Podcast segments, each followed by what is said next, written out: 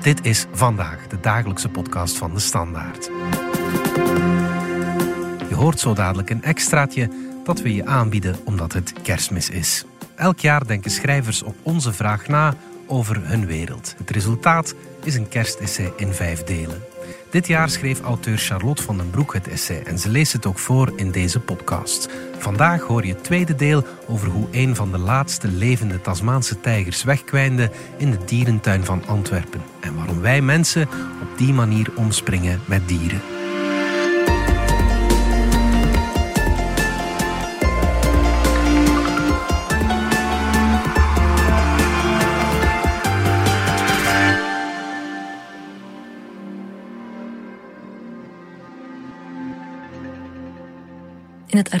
Van de Koninklijke Maatschappij voor Dierkunde Antwerpen zoek ik gedurende enkele weken sporen van de Tasmaanse tijger. Ik weet niet precies wat ik zoek, maar in de hoop vermelding te vinden van de Loup de Tasmanie doorblader ik de minutenboeken van toenmalig zo-directeur Michel Louest. Meer dan 3000 freile doordrukbladzijden aan brieven. Het carbonpapier ruist en rimpelt. Laat zich traag omslaan en vraagt een geduld dat ik te oefenen heb. Herhaaldelijk droom ik van een Ctrl-F-functie, een zoekbalk, een sleutelwoord, een ontdekking die de langzame uren in de leeszaal de moeite waard maakt. Maar archieven zijn evenzeer bewaarplaatsen als vergeetblikken. Ze veinzen de mogelijkheid om het verleden uit de tijd naar voren te halen. Verlokken tot de veronderstelling van volledigheid, die altijd enkel de volledigheid van het bewaarde kan zijn. En wat bewaard bleef, bleef dat waarschijnlijk in de eerste plaats dankzij het onderhevig zijn aan machtsstructuren en toeval. Tussen alle grote en kleine gearchiveerde dagdagelijksheden zou je denken dat de aankomst van de zeldzame Tasmaanse tijger op zijn minst vermeldenswaardig is. Maar zijn aanwezigheid, zo moet ik vaststellen, werd nauwelijks gedocumenteerd of de documenten gingen verloren. In de lege plek die de Tasmaanse tijger inneemt in het archief, kiemen ontelbaar veel andere verhalen. Stapels mappen met briefkaarten, facturen, telegrammen en notas allerhande geven inkijk in de werking van de dierentuin aan het begin van de 20e eeuw. Ene kolonel Ferrari informeert of de Antwerpse zoo toevallig een grote kangoeroe te koop heeft die getraind kan worden om te boksen. Herhaaldelijk dingen dierenhandelaren af op een overaanbod aan kweekgrage Canadese eenden. Het zangensemble Arti Vocale wordt opgericht. Michel West correspondeert met een Engelse vriendin over de mogelijkheden om zebras te dresseren. Voor zover ik terug kan vinden, bleven er geen foto's bewaard van de Tasmaanse tijger in Antwerpen. Wel vind ik een afbeelding van het naambordje aan zijn kooi en enkele ongedateerde foto's van de buitenkant van de hokken voor kleine roofdieren. Volgens de jaarinventaris van 1912 leefde de Tasmaanse tijger daar in de nabijheid van twee grijze wolven, een poolvos, een Europese rode vos en eentje uit Noord-Amerika, een Tasmaanse duivel, een Congolese jakhals, een roodstaartbeer, een honingdas, één gestreepte en één gevlekte hyena twee ocelots, een civetkat, een caracel, een moeraskat en een puma. Dieren waarover ik weinig meer weet dan dat ze tegen hetzelfde mistroostige muurtje als de Tasmaanse tijger moeten hebben aangekeken. Het is wellicht onmogelijk om vanuit menselijk standpunt hun verdriet te begrijpen. Maar ik probeer het met Rainer Maria Rilkes beroemde versregels over de levensmoe panter in de Jardin des Plantes, Parijs. Zijn blik is door het lopen langs de tralies zo moe geworden dat hij niets meer ziet. Het moeten hem wel duizend spijlen lijken. En achter deze duizend bevindt zich niets. Rilke observeert hier de blik van de panter die zich niet interesseert voor zijn menselijke toeschouwer. De spijlen van de kooi hebben zich vermeerderd in zijn innerlijke wereld. Zowel zijn lichaam als zijn wezen zitten gevangen. Het opgesloten dier vertoont tekenen van apathie en lusteloosheid. Een gevoel dat Rilke meesterlijk verklankt en W.A. Freikin even meesterlijk vertaalt uit het Duits. De opeenvolging van L en I klanken klinken als een lome poot die opgetild wordt, lopen langs tralies en zich slepend voortbeweegt, spijlen lijken. Natuurlijk kon Rilke niet werkelijk weten wat er in de panter omging. Hij kon het enkel proberen invoelen. Onvermijdelijk verwingen zijn observaties hier met een projectie van zijn eigen affecten. En ik maak me bij het lezen schuldig aan eenzelfde procedé. Het gedicht raakt me keer op keer. Hartverscheurend vind ik het. Maar het is niet helemaal duidelijk of ik nu verdriet voel voor het lot van de gekooide panter of hem gebruik als beeld, als spiegelvlak voor emoties van mezelf die ik in hem lijk te herkennen. In de dierenwetenschappen spreekt men van de valkuil van het antropomorfisme, het verkeerdelijk toekennen van menselijke gevoelens, intenties, gedachten en gedragingen aan dieren, en het gevaar voorbij te gaan aan de eigenheid van hun mentale leven.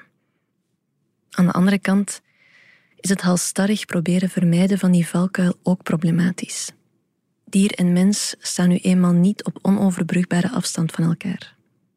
Evengoed behoort de mens tot het dierenrijk en delen we overeenkomsten. Dat uitgangspunt heeft men in de geschiedenis van de westerse filosofie en wetenschap echter eeuwenlang angstvallig proberen bestrijden met allerlei vormen van antropocentrisme. Een radicale pleitbezorger voor de tweedeling tussen mens en dier was de 17e-eeuwse Franse filosoof en wiskundige René Descartes, een fanatiek liefhebber van dichotomieën. Zo bestaat de mens volgens hem uit twee delen: het lichaam en het denkvermogen, die hij in een hiërarchische verhouding plaatst. Het denken, de onstoffelijke, vrije, ondeelbare geest, is actief en kan het lichaam in beweging zetten. Het stoffelijke, beperkte, verdeelbare lichaam zou enkel passieve signalen kunnen geven aan het denkvermogen. Dieren behoren volgens Descartes uitsluitend tot het domein van het lichaam en zijn daardoor niet in staat tot denken en voelen. Het zijn bijtmachine, mechanische automaten die zich gedragen als uurwerken. Dit soort schadelijk dualisme werd in de daaropvolgende eeuwen achterhaald via een lange weg die leidt langs Darwins evolutietheorie, het behaviorisme, de etologie en de cognitieve revolutie in de psychologie. Toch werkt Descartes' tweedeling vandaag nog geniepig door. Anders kunnen we, om maar een voorbeeld te geven, de excessen en vreedheden in de vleesindustrie niet verklaren. Binaire denkkaders produceren nu eenmaal een verleidelijk, maar vals gevoel van veiligheid, van overzicht, terwijl ze in wezen onbruikbaar zijn in ons veelvormig, complex en veranderlijk bestaan, dat zich niet laat vastleggen in het ene of het zogezegd onverenigbare andere. De Belgische filosoof Vinciane Desprez gaat het avontuur van de veelvormigheid met nieuwsgierigheid tegemoet. In haar boek Wat zouden dieren zeggen als we ze de juiste vragen stelden? legt ze vragen van bewegelijke aard voor die de relatie tussen mensen en dieren niet probeert te definiëren, maar verward, verdiept, vereenvoudigt, omkeert en verruimt. Moeten paarden toestemming geven? Kunnen chimpansees revolteren? Maken vogels kunst? Zien dieren zichzelf zoals wij ze zien? Hoe ervaren ze hun gevangenschap? Desprees vragen geven aanleiding tot inzichten en speculaties, tot observaties en fantasieën, tot gevolgtrekkingen en verrassingen, tot anekdotes en onderzoeksresultaten. Ze laten verschillende vormen van kennis toe en vermeerderen het perspectief op mensen en dieren en wat hen bindt. In de Zoo van Antwerpen sta ik voor een meterslange melancholische close-up van een sneeuwluipaard. Zijn oog, een grijsblauwe, glasachtige kraal, is helder en ondoorgrondelijk en afgeprint op een fotodoek dat de achterliggende renovatiewerken aan het oog van het publiek onttrekt. Als ik dieper in het oog van het sneeuwluipaard, in zijn binnenste kon kijken, door het doek heen, dan zou ik achter de afbeelding de plek zien waar zich tot de jaren 60 van de vorige eeuw de oude hokken voor kleine roofdieren bevonden. De plek waar de Tasmaanse tijger leefde. Maar ook hier wijst er niets op zijn aanwezigheid. Achter het fotodoek bouwt men een nieuw verblijf voor sneeuwluipaarden en amoertijgers, twee bedreigde soorten. Op een oppervlakte van 2400 vierkante meter krijgen de katachtigen binnenkort drie nieuwe buitenruimtes met natuurlijke schuilplekken en verschillende verdiepingen. Het laagste niveau wordt ingericht als een stukje Siberië met berkenbossen en dwergsparren. Via een helling kunnen de dieren naar een canyon met een riviertje klimmen en van daaruit naar het hoogste niveau dat met kale rotsen, grassen en kruiden een stukje Himalaya nabootst. De sneeuwluipaarden en amoertijgers zullen gevoederd worden met een bungee-touwen bungelende stukken vlees. Een voedermethode die het natuurlijke eetpatroon nabootst en zorgt voor mentale stimulatie en spieropbouw. In vergelijking met de oude Galerie des Petits Carnassiers klinken de nieuwe bouwplannen bijna paradijselijk. Nochtans is het tentoonstellen van dieren in getraliede hokken met weinig bewegingsruimte reeds achterhaald wanneer de Tasmaanse tijger in 1911 arriveert in Antwerpen. Vier jaar eerder, in 1907, opende dierenhandelaar en circusuitbater Karel Hagenbeck in Hamburg de eerste dierentuin zonder tralies. Zijn park wordt het prototype voor moderne dierentuinen over de hele wereld. Kooien worden vervangen door open kuilen die natuurlijke leefomgevingen nabootsen, afgescheiden van het publiek door onzichtbare grachten. Een decor van neprotsen, niveauverschillen, ondiepe waterpartijen en exotische beplanting moet de illusie creëren dat men de dieren in het wild ziet. Om de fantasie compleet te maken, plaatst Hagenbeck verschillende soorten samen in groepsverband, als in een harmonieuze uitsnede uit een landschap, een pagina uit een prentenboek. Hoewel er sprake is van zekere vooruitgang in welzijn, verbeelden de nieuwe dierenverblijven niet meer dan een uit zijn context getrokken dagdroom, die nog steeds weinig met de natuur te maken heeft. Een dagdroom die bovendien een gewelddadige weerslag heeft in de werkelijkheid, wetende dat Hagenbeck in soortgelijke tableaux vivants ook mensen uit verschillende culturen tentoonstelde in zijn humane dierentuin.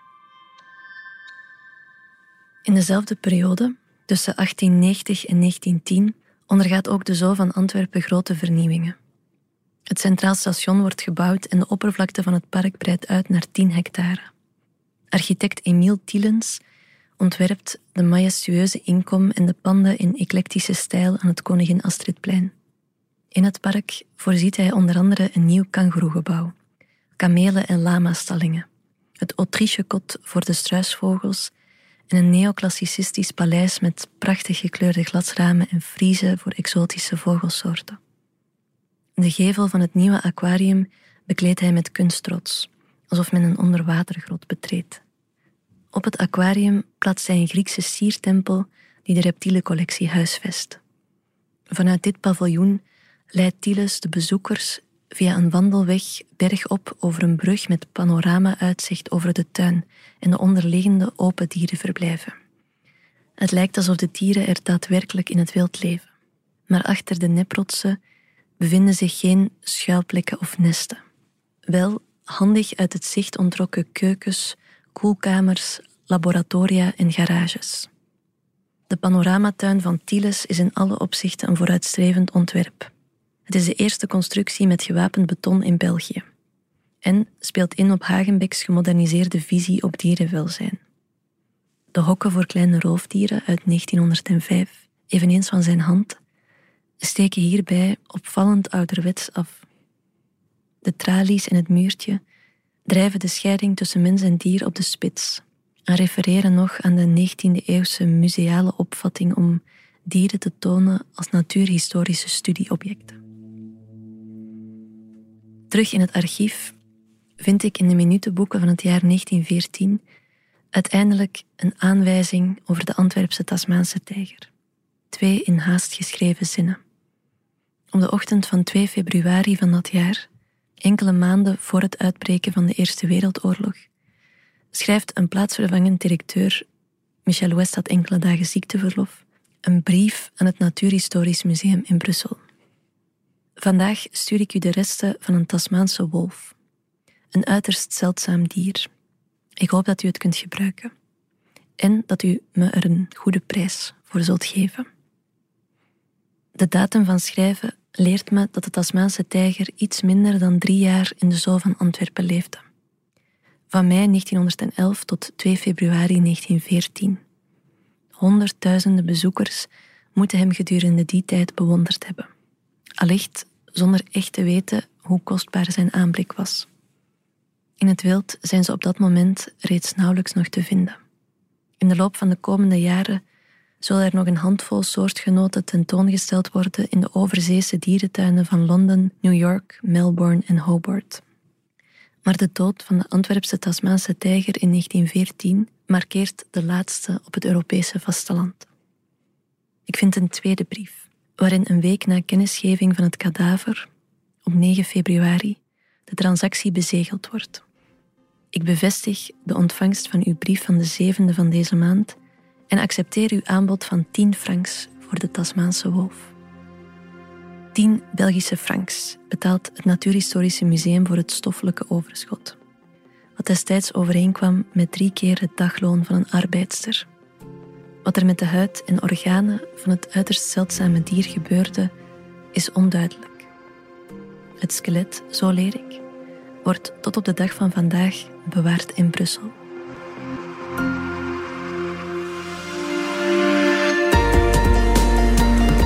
Dit was het tweede deel van het kerstessay van Charlotte van den Broek. In onze app of op je favoriete podcastplatform vind je ook de essays die Michael van Peel, Tineke Beekman en Damiaan de Nis afgelopen jaren al voor ons schreven en inlazen.